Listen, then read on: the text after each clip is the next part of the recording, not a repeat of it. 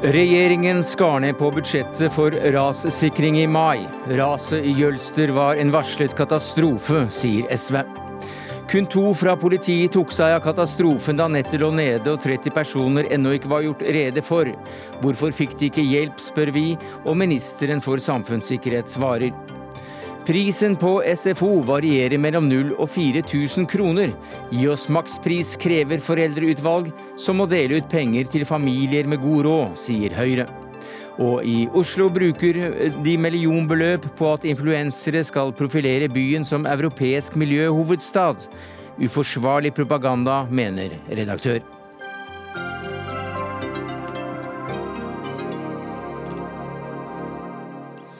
Ja, Det er noen av sakene i Dagsnytt 18 denne torsdagen, der vi også får en vurdering av de som nå slåss for å bli demokratenes presidentkandidat. Men først til Jølster og til deg, reporter Bård Siem. For et par minutter siden så kom en melding fra politiet der de beklager at de åpnet veien for tidlig, noe som medførte at en person mistet livet. Hva var det som skjedde? Ja, det, du, det, det kan du virkelig spørre om hva som skjedde. Det som har vært det store frustrasjonen her i Ølster, det er at lokalbefolkningen og andre mener at det har vært altfor lite ressurser, politiressurser her. Det har eh, vært to, og det var tre politifolk en stund. Så ble det redusert til to. Og det er da i et område som var et katastrofeområde med, med masse ras.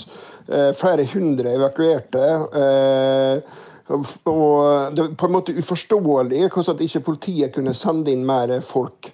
Uh, og media fløy inn folk uh, med helikopter. Uh, og um, hvorfor kunne ikke politiet gjøre det samme? Hvorfor kunne de ikke fly inn flere politifolk og være med å styre dette her? Det folk er så frustrert over her i Jølster. Forresten er bygd i stor sorg. Eh, det er en mann da i 50-åra som er omkommet eh, etter, alle, eh, etter alt å dømme da på det i og med at han kjørte denne veien. Men hva som er den konkrete årsaken til at veien ble gjenåpna, det, det vet jeg rett og slett ikke. Det har ikke politiet foreløpig sagt noe om. Men hva sier folk om beredskapen ellers? Om f.eks. at telefonsystemet og, og nettet gikk, og det har tatt såpass lang tid å få det opp? Jo, det er også veldig frustrerende for de som bor her.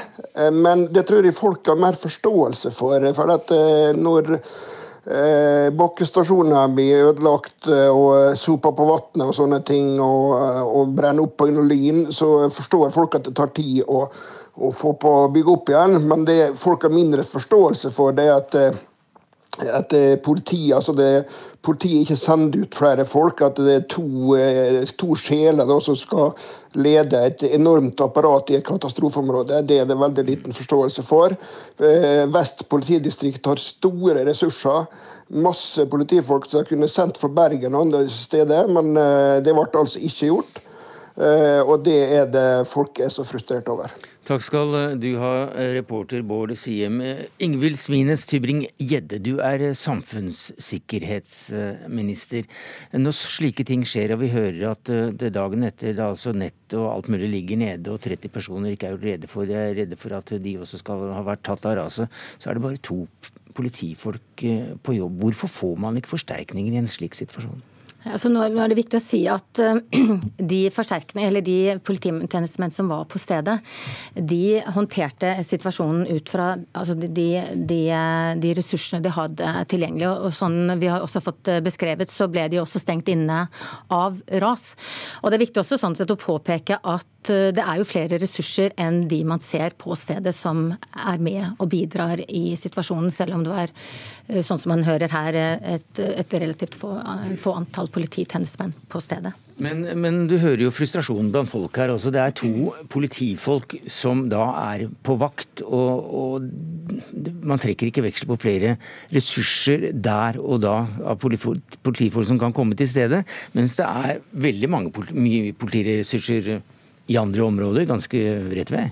Ja, men som jeg sa, så var det flere polititjenestemenn som var involvert i håndteringen av hendelsen, selv om det var få politifolk i selve situasjonen. Det hadde jo også med selve situasjonen som, som hadde oppstått, at de at de var eh, forhindret fra å, å få inn flere pga. Av, av raset som var gått. Men igjen så var det politiets vurderinger i situasjonen som eh, gjorde at de ikke da heller fikk flere. Og så, det man så, sier også... så, så malen i en slik situasjon er at to politifolk på stedet, ja det holder? Det kommer an på situasjonen. Det er umulig å si noe om nå. Men det er klart at ved så, slike store hendelser som, som, som, denne, så vil det selvfølgelig også være evalueringer. Også av politiet, av hele redningsoperasjonen. Nei, for I relasjon til dette så går det an å trekke fram den episoden eh, i, i Oslo da 17 18 patruljer var involvert eh, da 20 ungdommer eh, slåss eh, i, i, Oslo øst. Det er et eller annet misforhold som muligens også da fyrer opp under folks frustrasjon, kan du skjønne det? Kan ikke sammenligne de to situasjonene. Den situasjonen som vi hadde i Oslo øst, så var det en, en, en skarp situasjon hvor, hvor, mennesker ble slått ned. Her har man da altså en situasjon hvor to tjenestemenn blir sperret inne av det samme raset som de skal inn og håndtere. Men igjen så var det flere som var med i redningsaksjonen enn disse to polititjenestemennene. Jo, men, altså, her var nettet nede, slik at man kom jo ikke fram for å undersøke om folk faktisk eh, var i husene sine, om de var i live. Man hadde 30 personer som ikke var gjort rede for, og man måtte faktisk gå fra hus til hus. Det er vel var det kanskje behov for, for flere? Det var flere polititjenestemenn på til, utsiden av skredet. Men jo, det var men de kom jo en... ikke i kontakt med de som var inne der, fordi at eh, nettet lå nede. Ja, nettopp. Og det var jo en del av utfordringene. Situasjonen viste jo, var jo slik at det var to på innsiden, og så var det flere på utsiden. Og det var flere også uh, uh, ressurser på, på utsiden. så da... det kan ikke sammenlignes med, med, den situasjonen vi hadde på Nei, det er greit, men det er også da en, en sterkt trafikkert vei, for så vidt. Det er en, en europavei. og, og det, det, er noen som blir frustrert over at det er litt forvirrende hva, hva som altså skjer her nå. For det, det er NVE under Olje- og energidepartementet som har ansvar for flomsikring. Og så, hvis det da går en vei eh, over en elv, så er det Statens vegvesen under Samferdselsdepartementet som har ansvaret for å sikre den. Og så er det kommunene under Kommunaldepartementet som har ansvar for elver og bekker gjennom bebyggelse. Mobilnettet hører inn under digitaliseringsminister Nikolai Astrups portefølje. Politiet er under justisministeren. Eh, hva er sikkerhetsministerens ansvar i slike situasjoner? Mitt ansvar er å koordinere eh, ressursene. Eh, så har jeg DSB under meg, som da koordinerer fylkesmenn og, de kommunale. Og så, har fylkesmennene også det overordnede ansvaret for koordineringen mellom eh, kommunene. I tillegg så har jeg tjenester under meg som da f.eks. Nødnett eller Sivilforsvaret. Men, men i, i, slike, i, slike, situasjoner, altså alarmen går. Mm. Hvilket departement er det som da får en telefon, eller hvilken minister er det som, som alarmeres først? Det kommer an på situasjonen. En situasjon som dette, f.eks.? En situasjon som dette, så er det den Man opererer på det laveste nivå hele tiden. Og det er selvfølgelig sektoransvarene må følges. Fordi at det er faktisk slik at det er samferdselsministeren eller Samferdselsdepartementet og hans underliggende etater som har ansvaret for vei, f.eks. Og det ansvaret kan man ikke ta bort, for det er de som kan det, og det er de som har kontroll på det og har historien. Og ikke minst også med midlene. Når er det du skal få beskjed da, som sikkerhetsminister? Jeg får beskjed hele tiden. Jeg er oppdatert hele tiden om situasjonen. Men jeg kan ikke gå inn og overta ansvaret for de som er på stedet. For det er de som er på stedet som kjenner situasjonen Men det er du, best. Som skal, det er du som skal delegere arbeidet eller eh, justere arbeidet og innsats etter beskjed, hva som trengs? Er, koordinere det hele? Jeg får beskjed hvis det er noe som ikke Hvis det er noen av de underliggende etatene som ikke får de ressursene de trenger, så kan jeg trykke på mine knapper. Vi har ikke fått den type informasjon i, disse, i denne situasjonen. Men men eh, to personer, to politifolk, det var også nok for at eh, du mener at det var politifolk utenfor dette området som også gjorde en jobb? Vi vet ikke om det var, om det var nok. Vi skal gjøre en evaluering. Mm. Men det er altså ikke de to polititjenestemennene som var innesperret i raset, som, mellom disse to rasene, som var de eneste som håndterte situasjonen. Det er et stort knippe mennesker. SV sier at dette er, eller var, en varslet katastrofe. Hvordan kan dere si det, Arne Nevra, du sitter i transport- og kommunikasjonskomiteen på Stortinget?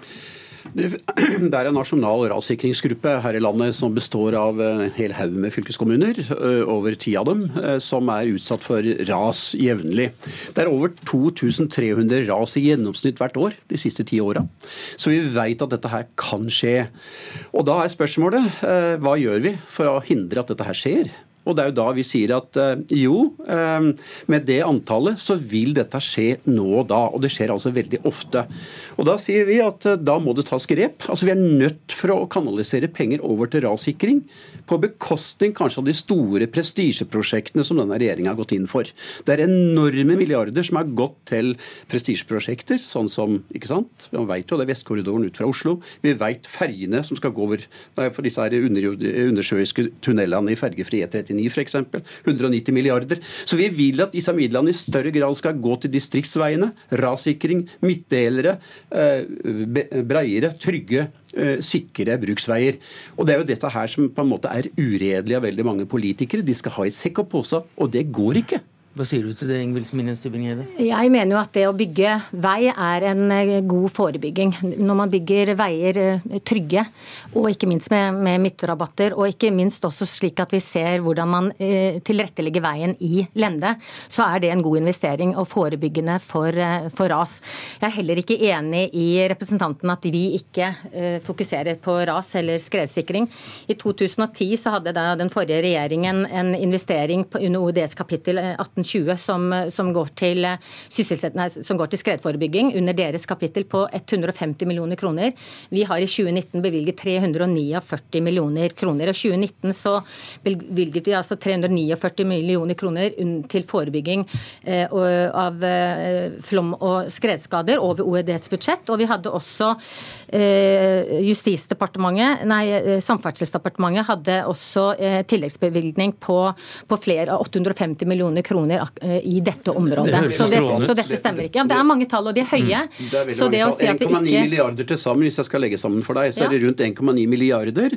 Eh, og så sier altså rassikringsgruppa vi trenger rundt 4,5 milliard i neste, eh, neste transportplan i tolv år framover. Ja, og da eh, nevnte du midtrekkverk, midtrekkverk for to-trefeltsveier og sånt. Veit du hvor mange kilometer som ligger an til å bygges i år?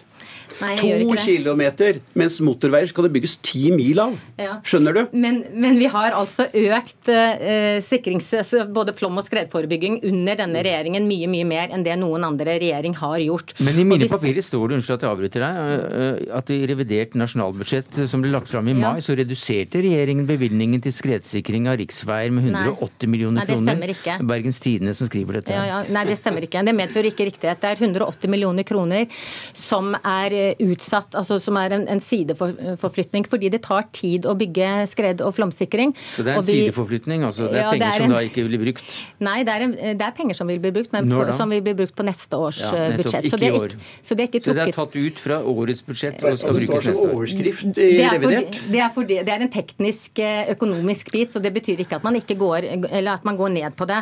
Altså det er, eh, Samferdselsdepartementet har siden 2014 bevilget altså 4,3 milliarder kroner i til, denne til, tilskuddsposten. Så det å beskylde regjeringen for at man ikke driver med skredsikring, det er ja, det, ras, men det er for lite. Vi kommer ikke bort fra det. Skal vi ha litt ærlighet i politikken, og det bør vi helst etterstrebe, ja. så må vi si det sånn at eh, det går ikke an å få i sekk og pose. Altså, vi snakker her om store prestisjeprosjekter som tar kaka. De tar midla. Ras, skredsikring, sikre, trygge bruksveier på Vestlandet, det mm. blir ikke prioritert. Tenk på, tenk på Oddaveien, altså rv. 13 Fjordveien. Altså, De har seminar hvert eneste år for å få midler. Og de får det ikke. Men, men, er det ikke en grense da for hvor mye penger man kan bruke på, på rassikring? Eller det er kanskje ingen grense. Jeg ser her Statens vegvesen de anslår eh, sikring av ras bare, til, eh, bare, på Vestlandet til 22 milliarder. Ja, 50 milliarder i hele landet. Det er mulig Og du snakker om 4-5 milliarder? Ja, ingenting. Vestland Arbeiderparti, SV sier det samme, rassikringsgruppa sier det samme. Vi klarer å få inn rundt 50 milliarder i løpet av tolv år i neste, neste transportplan hvis eh, regjeringspartiene hadde lagt opp til det. Det. Jeg, jeg syns det er bemerkelsesverdig at representanten her sier at det å bygge nye veier og bygge sikre veier ikke er eh, forebyggende tiltak i forhold til flom og skred. Jo, men Det er jo det du sier, for du sier at vi skal ta penger derifra. Men det er klart at jeg er helt enig med han i at eh, jeg som samfunnssikkerhetsminister skulle gjerne brukt enda mer penger på det. Jeg skulle gjerne hatt også flere hender til å bygge skredsikringstiltak eller flomsikringstiltak. Men det er altså mm. vi, må, vi, er nødt til å følge disse prosessene. og det er, det er, det er viktige tiltak. og en ting som jeg også må få frem, er at vi også i dette skredet i Jølster, så visste vi ikke at dette det hadde jo ikke gått eh, hadde ikke vært for dem der tidligere. Så det er jo en del av utfordringen også med våtere og villere eh, vær, er jo at vi har en situasjon hvor vi ikke vet hvor neste hendelse vil inntreffe. Så det, det, de var såpass forberedt at de hadde gjort rassikkerhet uh, sikkerhet noe, så ja, i en av elvene. Ja, det er helt riktig. Som ja, også sparte tre Ja, som funket. Så det, mm. så det hadde jo vi gjort. Og det er vi helt enige i at det ønsker vi å gjøre med. Så helt overraskende kom du ikke? Nei, men Nei. at det skulle være i denne, denne, dimensjonen, det var det. Vi skal gå over til, til, hva eh, Telenor har gjort, og hva slags problemer eh, de som skulle bruke telefonene for å si at de var i, i sikkerhet eller trengte hjelp, hva slags situasjon de kom i. Bjørn Amundsen, du er dekningsdirektør i eh, Telenor. Hvorfor forsvant dekningen? Det som skjedde, er jo at disse rasene som vi nå har hørt om, de eh, ødela, litt enkelt sagt, fibertransporten. Dvs. Si sambandet fram til basestasjonene. Eh, så det tar det da tid å få reparert, men det er egentlig ikke rasene. Har, aller mest så har det hindret adkomsten til å kunne reparere mer enn det i ettertid vist seg har ødelagt selve utstyret vårt. Ja, Hvordan da? Kom dere ikke inn i området pga. at det var utilgjengelig, eller ble dere fra, eh, ja. hindret i å arbeide? Nei, det er klart, Telenor kan ikke sende våre entreprenører inn i et område uh, som ikke er friet til å gå inn og reparere. Og vi hadde jo flere titalls mennesker, både til fots, vi hadde folk i biler som ikke kom fram. Uh, vi endte jo opp også med å bruke helikopter. Så uh, totalt sett, selv om det var ille for de som var berørt, så hadde vi jo bare fem av 310 basestasjoner ute i eh, hele Sogn og Fjordane fylke. Og mens vi sitter her nå, så er det enten null eller én.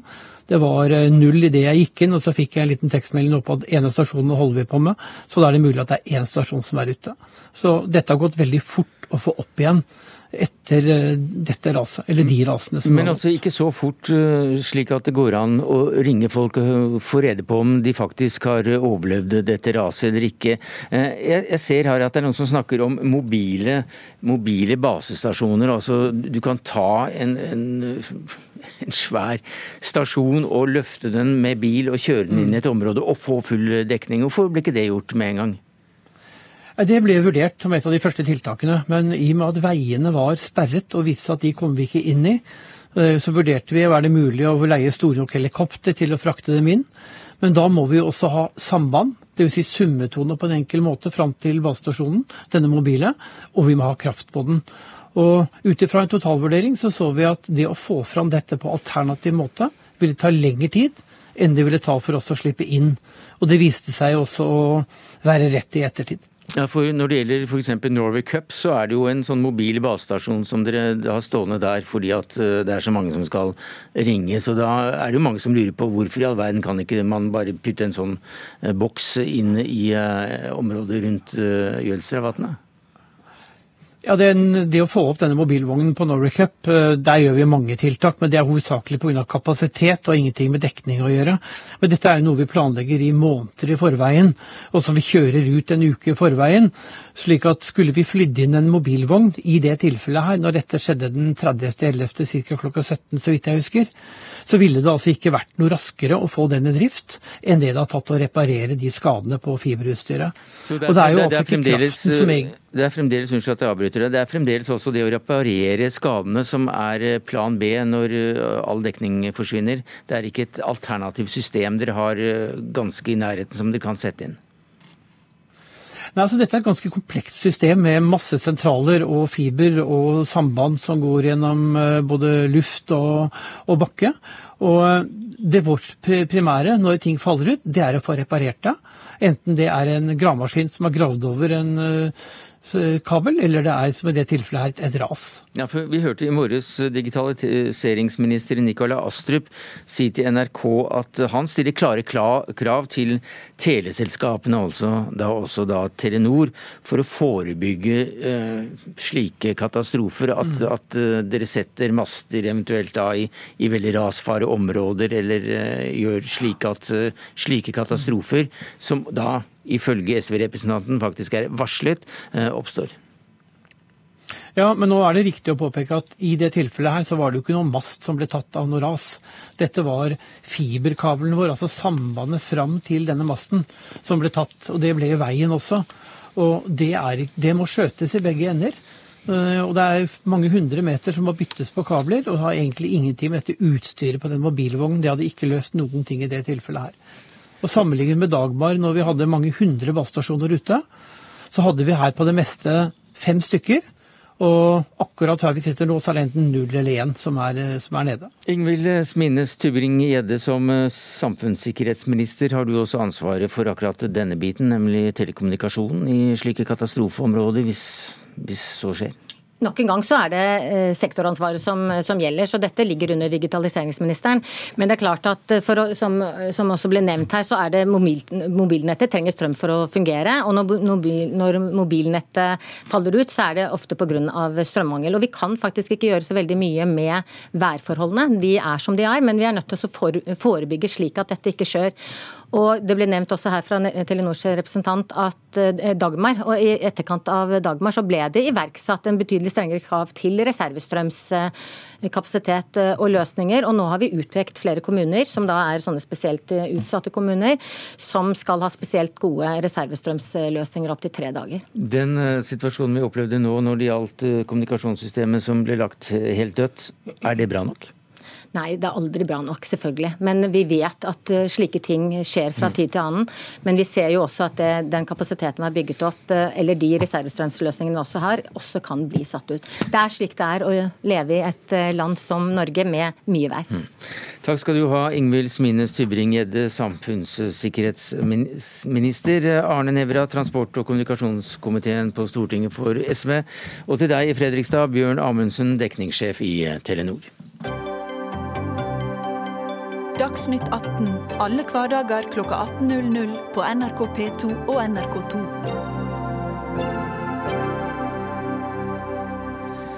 To tankskip er arrestert, flere er angrepet. Situasjonen i Persiabukta er eh, spent. Til enhver tid er det norske skip i Gulfen.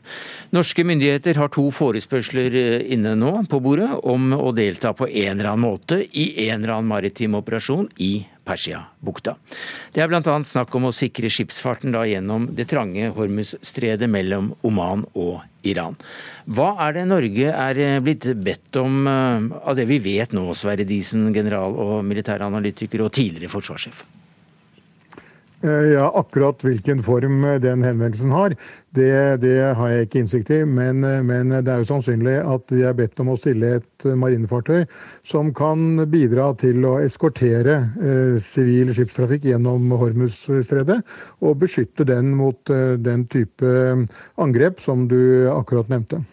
Hvilke dilemmaer er det da disse to alternativene innebærer? Den ene forespørselen fra USA, og den andre fra Storbritannia, slik man kan anta at de er kommet?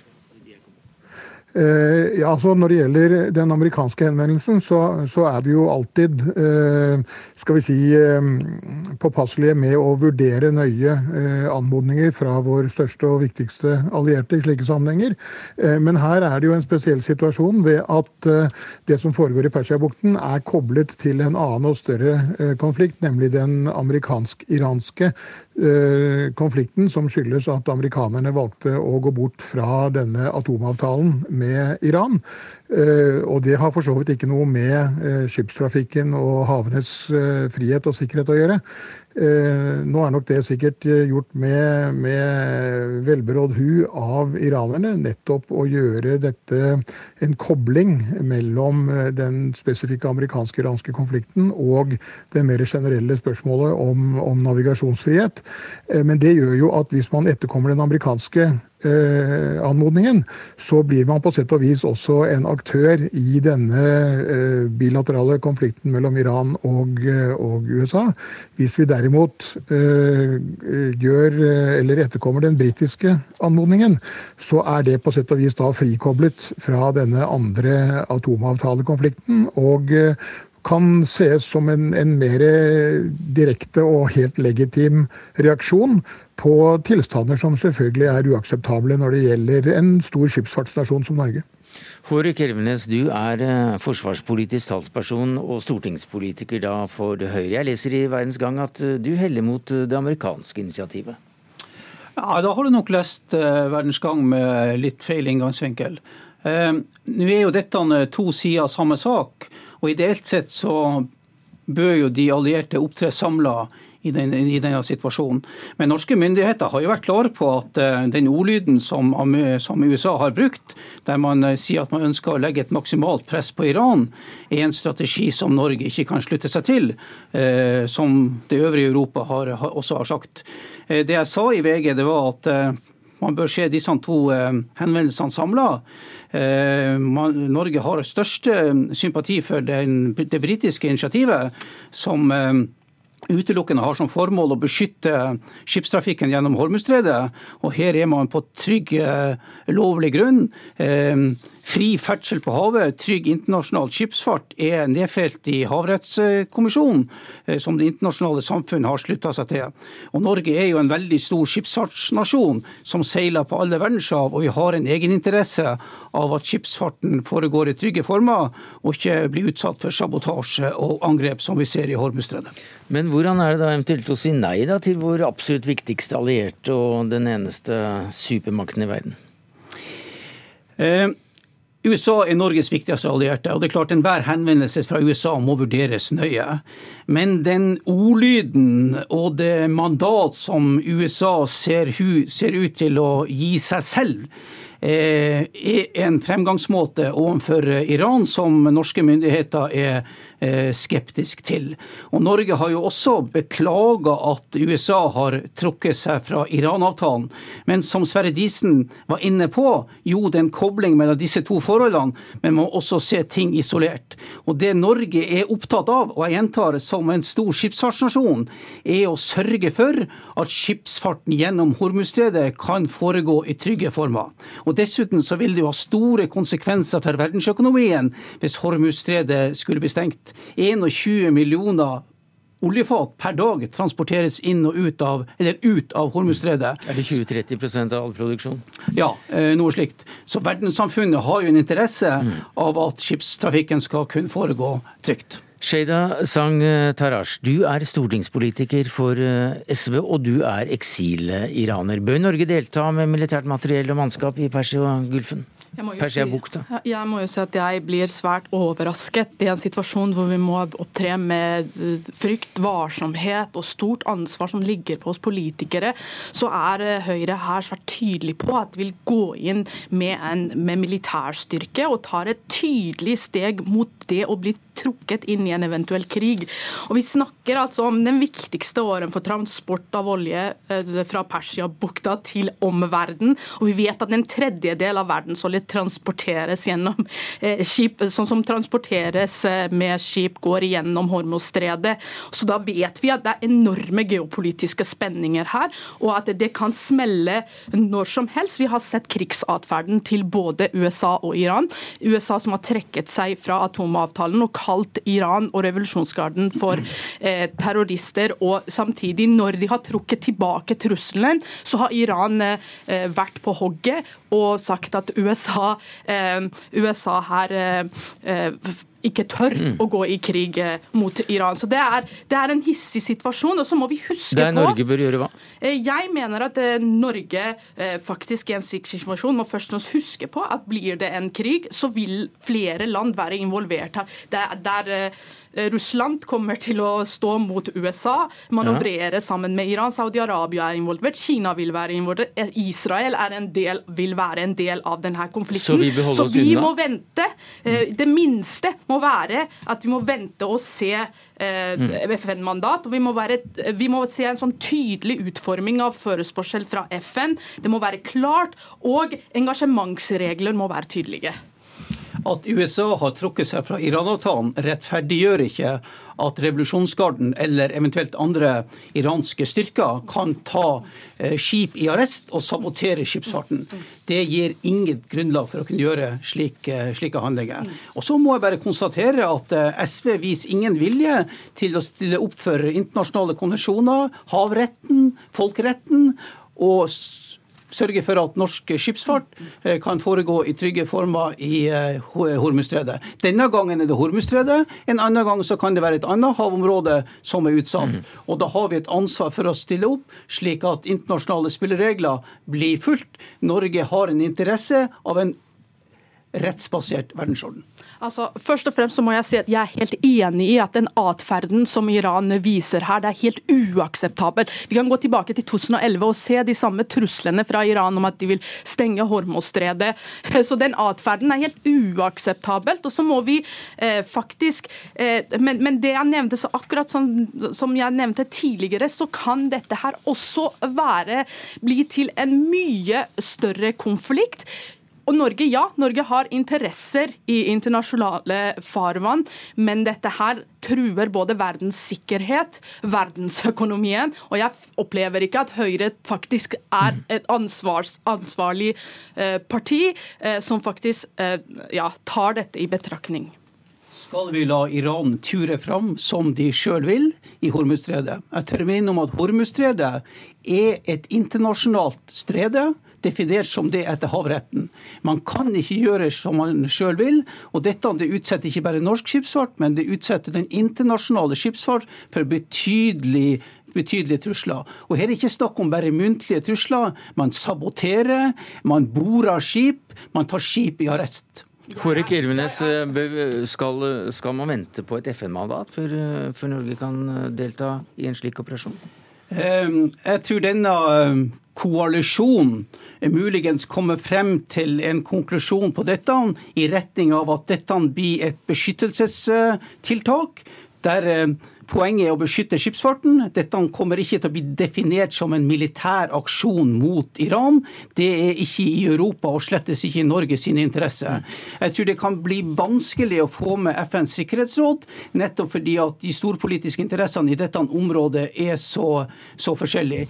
Men isolert sett så er det viktig å stille opp for internasjonal rettsorden og sørge for at skipsfarten på alle hav mm. kan foregå i trygge former. Eh. Og det er derfor at Norge stiller opp. Sverre Disen, eh, tidligere forsvarssjef. Hvordan kan man se for seg at, at Norge kan bidra, bidra? Du nevnte et skip. Eh, kan det være snakk om en hel fregatt? Ja, det vil jo være den mest aktuelle plattformen i denne forbindelsen. Eh, og da er det selvfølgelig to ting de kan gjøre. De kan Eh, sammen med andre tilsvarende fartøyer, fregatter, destroyere, eh, så kan de beskytte fartøyene mot eh, den type skal vi si, noen er pirateri som, som den britiske tankeren Stena Impero ble utsatt for for et par uker siden. Og så er det jo et spørsmål om de da i tillegg kan også beskytte skipsfarten Eh, det er riktignok vesentlig vanskeligere mot eh, sjømålsmissiler, som jo har vært eh, skutt mot tankskip i dette farvannet. Bl.a. den Jon Fredriksen-eide Frontal Tear. Det har de også systemer om bord som kan greie, men det er det er atskillig vanskeligere av flere årsaker. Hvordan vil du vurdere sikkerheten ved å sende et norsk skip nedover? Hvor lett er det å bli dratt inn i en større konflikt, som vi hører noen frykter? Ja, nå tror jeg ikke, altså For det første, eh, FN-mandat det tror jeg man kan se langt etter. Fordi eh, Eh, Russland og Kina som vetomakter kommer jo aldri til å la en sånn resolusjon passere i Sikkerhetsrådet. Så, så det er, sånn sett så minner dette om, om eh, Kosovo eller, eller, andre typer konflikter. Eh, her må man altså skille mellom legitimitet og, og legalitet. Man kan ikke regne med å få den legaliteten som FN, et FN-mandat gir, men det kan likevel være legitimt å gjøre noe. Men når det da gjelder sikkerheten og risikoen knyttet til til en sånn operasjon, så tror jeg vi skal huske at heller ikke Iran er jo interessert i at dette skal bli en storkrig. Uh, og det er ikke slik at man her risikerer å bli, skal vi si, trukket uh, stegvis inn i en, i en, omfattende konflikt som involverer flere stormakter osv. Uh, det er jo nettopp det som gjør et europeisk initiativ, uavhengig av amerikanerne, tiltrekkende. Det er at det berøver Iran muligheten for å koble dette til atomavtalen og den iranske-amerikanske konflikten. Viser det seg altså amerikanske marinefartøyer i en slik operasjon, vel, så, så har dette en helt annen dimensjon. Så kan man si at eh, til gjengjeld så er altså eh, europeerne vel antagelig ikke i stand til å mønstre så mange marinefartøyer at den sikkerheten blir reell uten eh, amerikanerne. Eh, og det er, akkurat, det er jo akkurat der dilemmaet ligger, og det er det iranerne spekulerer i. Det er en fin sak for en annen Dagsnytt 18-sending. Takk skal du ha, Sverre Disen, tidligere forsvarssjef. Takk til deg, Hårek Elvenes, stortingspolitiker fra Høyre, og Sheida Sangtarash, stortingsrepresentant for SV.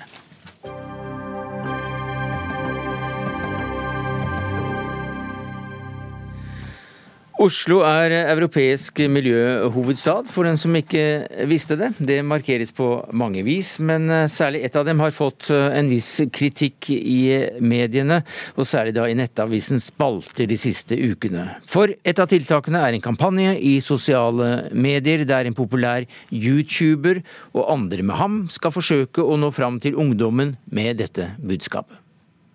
Mitt forbilde og idol er Shrek. Og i forbindelse med at Oslo har blitt europeisk miljøhovedstad, satte jeg meg et nyttårsforsett om å bli Shrek. Altså grønn. Og ja, jeg har nok en del å jobbe på. Derfor lagde jeg dette Shrek-barometeret for å følge utviklingen min i Herman blir grønn. Det er den kjente uh, youtuberen, da, for folk som følger godt med på, på den slags. Uh, Herman, som uh, framsto her. Både utgiftene og metodene som er brukt, ja, de er du svært kritisk til som sjefredaktør i Nettavisen Gunnar Stavrum. Hvorfor det? Fordi dette er et godt eksempel på det man kan kalle fake news. Det er en helt oppkonstruert situasjon Herman Dahl og et par youtubere til får nesten en million kroner for å late som de er grønne. og Det mener jeg er kritikkverdig, fordi det fører målgruppen bak lyset. Og jeg mener også at det kan være ganske uheldig, fordi at det, hele troverdigheten faller når man vet at man har fått godt betalt for å liksom være grønn. Ja, Hvorfor mister man troverdigheten her? Fordi at uh, Det er selvfølgelig et helt annet bilde hvis det hadde vært uh, noen som faktisk mente dette og som gjorde det gratis. Og Det skulle være nokså mange ungdommer å ta av. For det, Når det gjelder miljøengasjement, så er det jo uh, et stort engasjement blant mange ungdommer. Ekte engasjement og gratis engasjement. Man trenger ikke betale youtubere for å bli grønne, liksom. Anita Lindahl Trosdal, du er prosjektleder for Oslo europeisk miljøhovedstad 2019. Hva sier du til denne kritikken? Ja, eh, jeg hører jo kritikken, men vi har jo en vurdering om at dette er en veldig effektiv kampanje for å nå eh, en vanskelig målgruppe, som er en hovedmålgruppe for oss, og det er nemlig ungdom. Eh, vi vet at denne gruppen ikke nås ved tradisjonelle medier. De leser sjelden aviser, de hører ikke på Dagsnytt 18, de nås heller ikke på Facebook, men vi vet at de er på YouTube. Og Medietilsynet har jo også undersøkelser hvor de spør ungdom hvor de er, og 77% sier at de brukte YouTube i går. så vi vet at der er ungdommen. Så vi tenker at dette er en effektiv måte å nå ut til unge på den plattformen de er. Eh, og jeg er jo helt enig med Stavrum at vi har en utrolig masse flotte ungdom som er miljøengasjerte, som har masse kunnskap. Disse har vi også brukt eh, gjennomgående i Miljøhovedstadsåret, og vi satser på dem eh, på veldig mange arenaer.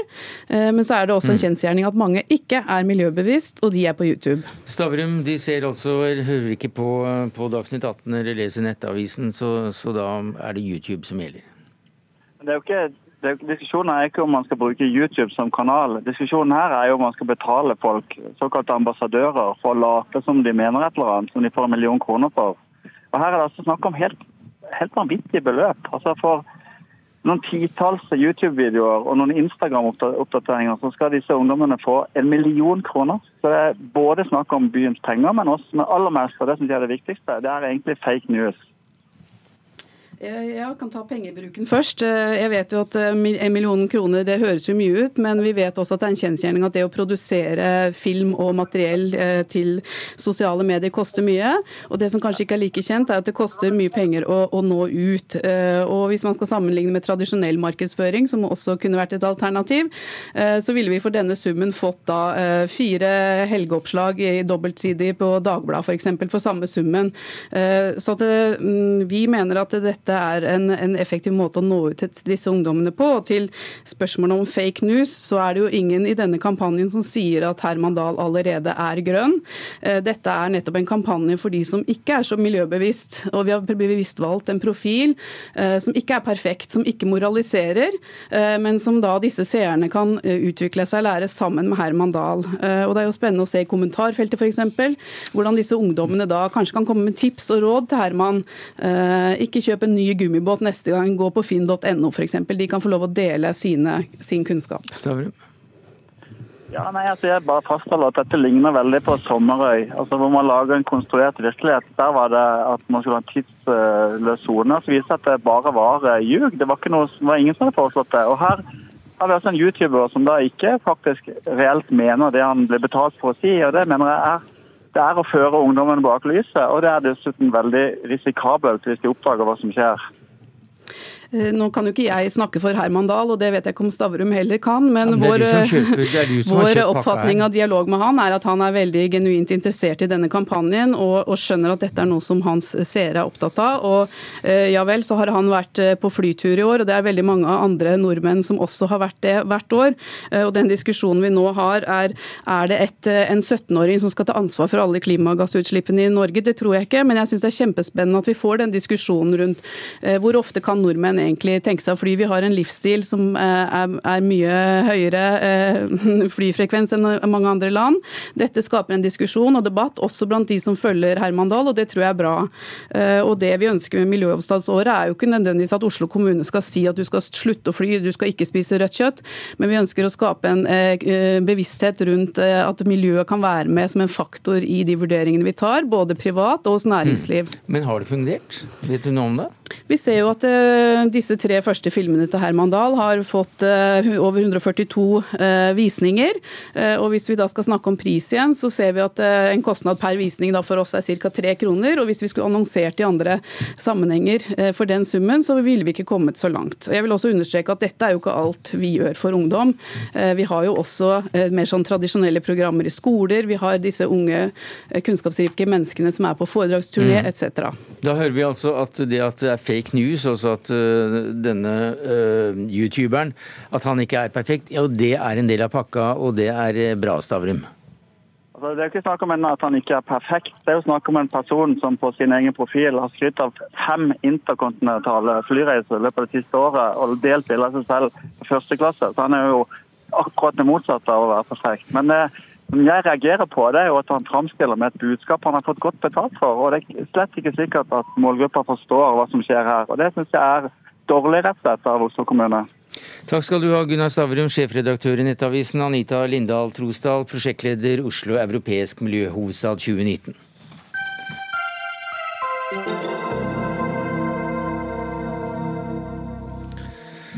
Helsepolitikk, klimaendringer og handelskonflikten med Kina. Den amerikanske valgkampen er for alvor i gang i det amerikanske demokratiske partiet. I går, i går møtte ti av kandidatene hverandre i Detroit. Partiet har eh, ett mål, selvsagt, og det er å hindre president Donald Trump i å få enda en periode i eh, Det hvite hus. Hilmar Mjelde, du er postdoktor ved Institutt for informasjon og medievitenskap ved Universitetet i Bergen. Og du var en av de få som så at Trump kom til å bli eh, president. Hvem er det som har kommet best ut av de to debattene vi til nå har sett blant demokratene? Jeg vil si senator Elizabeth Warren framstår som den beste debattanten. da. Men vi ser at disse debattene de, de har kun en kortsiktig effekt. de gir ikke et permanent inntrykk på velgerne. Vi så jo at Biden gikk tilbake. Senator Harris gikk litt fram etter første debatt. Men så tok det bare noen dager før Biden økte igjen og Harris gikk tilbake. Så den største vinneren av debatten de to, to siste dagene, det er kanskje Donald Trump. Pga. venstredreiningen i Demokratene. Corinne Hobson, du er medlem av Democrats Abroad i Norge. og Hvilke saker er det som er viktigst for demokratene nå? Akkurat nå så er det viktigste saker de som er, har betydning for de amerikanske folk. Og det er sånn helseforsikring, hvordan staten støtter helseforsikring, og noen som vi kanskje i Norge ser som eh, folketrygde. Um, hvordan skal vi få bedre tilgang til helseforsikring. Og Det var også tema i, i disse debattene? Veldig stor. veldig stor. Og så er det også innvandring, f.eks. Uh, politikk rundt det, og rundt uh, den krise som foregår akkurat nå i uh, våre sørgrensen. Og så er ja, slik sånne ting. Eh, du, ja, vi, hadde tenkt, vi, hadde tenkt, å spørre deg om, eh, om hvem du, du syns kom heldigst ut av disse debattene. Men du, du, tenker at som nå da talsperson akkurat eh, i dag for Democrats Abroad, så har ikke du lyst til å, å flagge dette her. Men du kan heller da si noe om hva må til for at demokratene skal være fornøyd med den de til slutt velger som motkandidat til Trump? Det vi så i 2018, da demokratene vunnet da, den valget der, det vi så, når vi holdt oss til saken. Når vi holdt oss til det som var viktig, så de amerikanske folk valgte oss. Så det er det vi må gjøre. Vi må ha en kandidat som holder seg til de sakene som er interessert for de amerikanske folket. Det er ikke sånn å svare Donald Trump med hver gang han går ut på Twitter. Det er da å holde seg til den delen og målet vi har sagt vi skal ha. Ja, hva slags kandidat er det som, som kan utfordre Trump godt, Hilmar Mjelde? Jeg mener Joe Biden er den som i hvert fall på papiret er den sterkeste. For eh, han kan ha eh, en viss appell i eh, Midtvesten, der velgerne er mye mer konservative. Men partiet nå som helhet de går jo, går jo, i den andre retningen. Partiet er nå i ferd med å bli på sitt mest venstreorienterte siden 1972. Da de nominerte den liberale George McGovern og tapte 49 delstater mot Nixon. Og Man har sett også at parti generelt i amerikansk historie de er faktisk ofte villige til å eh, nominere ganske ideologiske kandidater til kun eh, fire år i opposisjon. Eh, og man sier i tillegg også at Demokratene de, ja, de liker å forelske seg i kandidaten sin. I den forstand at de nominerer noen som tenner en glød i partiet, sånn som f.eks. Sanders eller Warren. Men enn så lenge så ser det ut til at mange er, er faktisk er villige til å inngå et uh, fornuftsekteskap med Joe Biden fordi de tror han kan slå Trump. Men eh, du har nevnt eh, viktigheten av personlig økonomi, altså hvilke kandidater som, kan, eh, kan, eh, som har den største lommeboka akkurat i den fasen av festen som, som, vi nå ser. Hvilke er det da som utpeker seg? Ja, det er jo da de toppkandidatene eh, som eh, ja, B-gjengen, som jeg kaller de. Altså Joe Biden, Bernie Sanders. Og denne eh, ordføreren fra Midtvesten med det vanskelige navnet Buttigieg. Og så har du òg eh, senatorene Harris og Warren som samler inn godt med penger. Så du kan si at eh, Det som må til for å vinne en amerikansk nominasjon, det er at du må ha et eh, kjent navn. Du må eh, samle inn eh, masse penger, for det er slett ikke billig å bli president i USA. Og du må ha en god valgkamporganisasjon. Eh, og de som ikke klarer å oppnå de tingene der, eh, altså synlighet og, og da bli tatt på alvor i media, de ryker fort ut. Og da tror jeg vi vil nå se gjennom høsten. Jeg tror det er mange som forsvinner ganske fort. Jeg er ikke helt enig i at det skal være en sånn strategi å bare møte Trump der han er, og møte republikanere der de er, og har en sånn jeg vil ikke si kynisk, men det er nesten det. Uh, måte å komme på det til. Det er jo litt ideologisk å si, men vi skal da treffe det de amerikanske folk vil ha. Det er ikke bare sånn matematikk å regne ut hvordan vi skal seire. Det er å møte de kravene som kommer fra de folk som stemmer. Mille.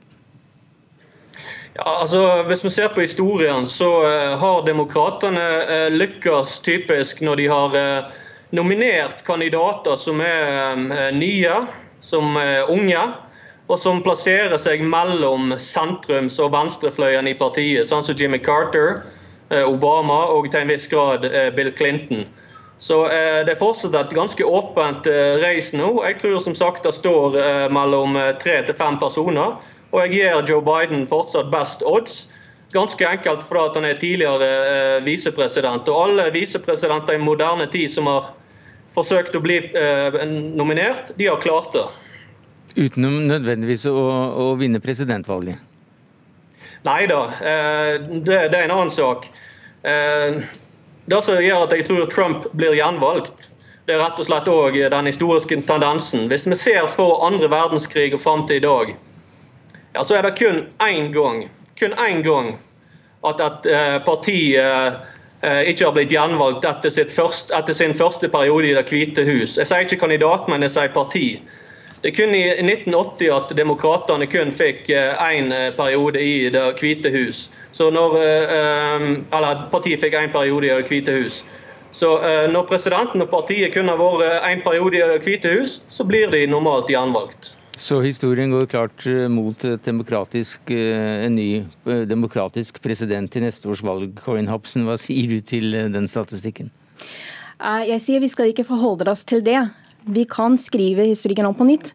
Vi kan gjøre ting som er nytt, og vi kan komme med det som er Den presidenten som sitter nå, Donald Trump, han kommer ut med ting som er ikke reelle for de amerikanske folk, og ikke skaper det bildet som vi skal presentere ut til verden. Så det er tiden er inne nå å endre det. Og ha en demokratisk president igjen, som kan da ta USA tilbake til den relasjonen den har hatt med videre i verden. Takk skal du ha, Corinne Hobson, medlem av Democrats Abroad, og til Hilmar Mjelde, postdoktor ved Institutt for informasjon og medievitenskap i, i Bergen. Vi, vi traff deg på en linje fra Colombo, eh, og som også da sa at Trump blir også den neste presidenten.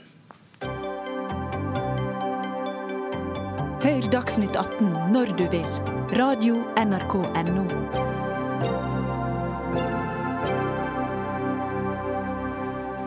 Prisforskjellen på SFO-tilbudet ja, varierer fra 4000 kroner ned til null. Og det er heller ingen sammenheng mellom pris og kvalitet. Det er ene og alene opp til kommunene selv å bestemme både SFO-tilbudets pris og art eller karakter. Gunn Irén Gulløy Müller, du er leder i Foreldreutvalget for grunnopplæringen. Dere etterlyser en makspris i SFO. Hvorfor er det så viktig?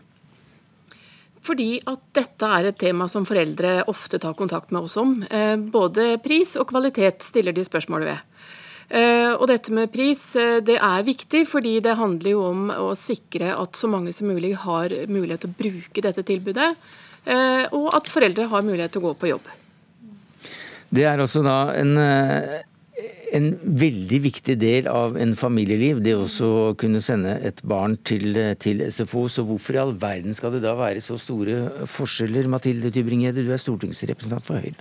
Ja, Det er store forskjeller, og eh, både i pris, men også er jeg glad for at det ble nevnt kvalitet, for det hører vi ofte om. Eh, og det er jo til en viss grad en bieffekt av det lokale demokratiet vi har, nemlig at lokalpolitikere prioriterer ulikt i kommunene, og at ulike SFO-tilbud har ulike forutsetninger. I lokalsamfunnene kan man ha kontakt med idrettslag for å variere SFO-tilbudet. Ellers er det ofte et oppbevaringssted eh, for barna. Men så er jeg enig i at den, de forskjellene har blitt eh, for store. Og da er det jo to ting man må se på. For Høyre har vært opptatt av at man kan se på moderasjonsordninger. Dvs. Si billigere SFO for familier med lavere inntekt, slik at det blir en inkluderingsarena. Og det andre vi ser på nå, er å lage et eh, rammeplan, altså dvs. Si mer nasjonale krav til hva innholdet skal være, slik at vi får eh, et bedre sted for barna å tilbringe etter skoletid. Er det bra nok eh, for deg, Gunn Irén Gurre Müller? Ja, vi er jo veldig spente på å se den planen som kommer til høsten. Vi har jo etterlyst dette i mange år, og var jo pådriver til at denne evalueringen ble gjort i fjor. Men eh, vi eh, mener det må være ganske tydelige krav, det som kommer der eh, til kommunene. Og at dette ikke lenger kan være sånn at du bytter skole internt i kommunen, eller du flytter fra en kommune til en annen, og så får du et helt annet tilbud på et men, annet sted. Men skal det være makspris likt for alle, eller skal man gå inn og nyansere hvem som skal betale hva? Ja takk, begge deler. Det bør være et tak på hva det kan koste. Eh, og det, Da må man skjele til hvordan man priser barnehage. Men det kan også være moderasjon, eh, altså søskenmoderasjon f.eks. Og da bør man se på barnehage og SFO under ett. Og det kan også være subsidiering på en annen måte da for de som er lavinntektsfamilier. Så du vil ha et tak? Jeg vil ha et tak. Jeg syns det, altså det, er absolutt mange gode innspill til den meldingen vi skal legge frem. Men, men hva med tak? Ja, altså det, er grunner, det, er flere grunner til at jeg er litt skeptisk til makspris. For det første så tror jeg at det i mange kommuner kan bli gulvet. altså Da er det der man legger seg. Eh, og så er det ikke det samme presset til å faktisk redusere prisene. Eh, det andre jeg er eh, litt skeptisk til, er jo selvfølgelig at da ender man opp at staten belønner de kommunene som ikke har prioritert å eh, lage lavere priser. Men kanskje viktigst av alt, eh, jeg forstår jo man ønsker ja takk begge deler, men når man skal prioritere først og fremst, så mener jeg at man bør prioritere de familiene som i dag ikke har mulighet til å delta, og så i andre omgang kvalitet. Eh, og Det er på en måte det viktigste for Høyre i første gang å starte der. Gule Müller. Ja, det syns jeg ikke er godt nok. Eh, det er viktig at alle kan være med, det er vi enige om. Eh, men kvaliteten kan ikke komme sånn i annen rekke. Nei, det, var ikke det, er, nei, det er viktig at eh, det, at det tilbudet de får er godt. Skole og SFO må ses som en del av en helhet, sånn at man må ha godt pedagogisk personale mm. også i SFO. Sånn at f.eks. mobbesaker som følges opp i skoletida, også følges opp av kompetent personale på ettermiddag. Mm. Men også hvis det gjelder, når det gjelder læringsstøttende aktiviteter om det er leksehjelp eller annet, så må det også være pedagogisk personal tilgjengelig. Vi mener det må være en, en viss personaltetthet, og det må det være noen standarder for arealer som man kan bruke altså til SFO, eh, som er atskilt fra skolens lokaler, det er også viktig. Eh, det er masse å ta tak i rundt eh, eh dette med kvalitet, og, og, det skal ikke komme i annen rekke. Og noen svar får, du, aller... ja, ja, noen får svar, du, for, ja, svar får du til høsten, men, ja, men, men jeg må bare jeg, jeg, jeg, jeg, skal bare si, jeg skal bare si en ting her. Og jeg ser det at Smøla, der koster det 3877 kroner. Mens Gratangen i Troms, der er det helt gratis. Og der førte eh, det tilbudet, nemlig at det var gratis SFO, til at alle gikk på SFO. Er ikke det et eh, godt grunnlag for å gå videre med i et eh, demokratisk samfunn? Jo, altså I et demokratisk samfunn så ønsker jeg at SFO skal være en inkluderende arena. Men jeg vil jo si at det viktigste for at flere skal kunne få lov til å delta, er jo nettopp at de som ikke har råd i dag, har mulighet til det. Eh, og så er det, er det forskjell prioritering mellom, mellom, kommunene. og det, Til en viss grad så må man akseptere det òg. Og jeg forstår veldig godt at foreldrene er eh, både bekymret og utålmodige, men jeg håper at man også tar opp det med lokalpolitikerne. Jeg nasjonal skal gjøre to ting. Vi skal sikre at vi får flere nasjonale føringer. Vi skal jobbe med bedre moderasjonsordninger. Men mye av eh, tilbudet kommer fortsatt til å bli utforma lokalt. Og jeg mener er helt enig med FUG i at her er det så mye som kan gjøres. Koblinga mellom skoledagen, det barna gjør i skoletiden og det man gjør på SFO, må være mye bedre. I tillegg til at man kan ha bedre ernæring i SFO. Du kan ha mer variasjon, mer fysisk aktivitet, kobling mot idrettslag. Det er egentlig sånn stort potensial i hele ordningen som må utnyttes bedre. Gule Møller. Ja, altså Den minimumsstandarden må være, komme på plass for alle, mener vi. Eh, det viktige er at, eh, at, foreldrene kan føle seg trygge på at barna har et godt tilbud. Eh, og Jeg syns ikke det skal være opp til den enkelte kommune hva man syns er et godt tilbud. For det er helt åpenbart at noen lager kun oppbevaringsplasser. Og da må de rett og slett strammes opp. Og da, nå har de hatt 25 år på seg til å komme opp med gode løsninger. Og så er det noen steder hvor det er både dyrt og dårlig. Og da har de hatt lang nok tid på seg til å gjøre et forsøk eh, lokalt. Da har de vist at dette funker ikke, så da må de faktisk strammes opp. Når du sier dem, så mener du kommunene? Da mener jeg de kommunene som har et dårlig og dyrt tilbud, ja. De kan ikke fortsette med det uten at noen kommer og forteller dem at nå er det nok. Men uh, hvorfor skal det ikke være opp til kommunene f.eks. å bestemme prisnivået? Det kan være kommuner der, der det ikke er gunstig å komme med et kjempetilbud for å trekke til seg småbarnsfamilier? Men det å trekke til seg småbarnsfamilier, det å få eh, samle Altså la alle barna få en mulighet til å gå i SFO, er jo et inkluderingstiltak det er jo noe som kan hindre utenforskap. Det er jo kanskje de som har aller mest bruk for å være både i barnehage og SFO, som i dag ikke bruker de plassene. Og for mange er det et økonomisk spørsmål. Sånn at det, det å ha rimelige SFO-plasser for alle, og kanskje sette inn ekstrastøt der noen har ekstra behov, det støtter vi veldig. At man, at man prøver å, å, få alle med. Men, men det, det, skal ikke være sånn at man kommer fra et godt tilbud et sted til et dårlig tilbud og dyrt tilbud et annet sted. Hva skal maksprisen være, da? Jeg syns man skal skjele til hvordan man har prissatt eh, barnehage, og se på antall timer som tilbys eh, her og der. Og så må man eh, gjøre en vurdering ut fra det. Det var det vi rakk i Dagsnytt 18 i dag. Det var Gunn Irén Gulløy Müller, leder i Foreldreutvalget for grunnopplæringen, og Mathilde Tybring-Gjedde, stortingsrepresentant for Høyre, som satt punktum for denne torsdagen. Ansvarlig for det hele var Jaran Ree Mikkelsen. Det tekniske ansvaret hadde Hilde Tosterud. Jeg heter Sverre Tom Radøy, og vi høres i morgen.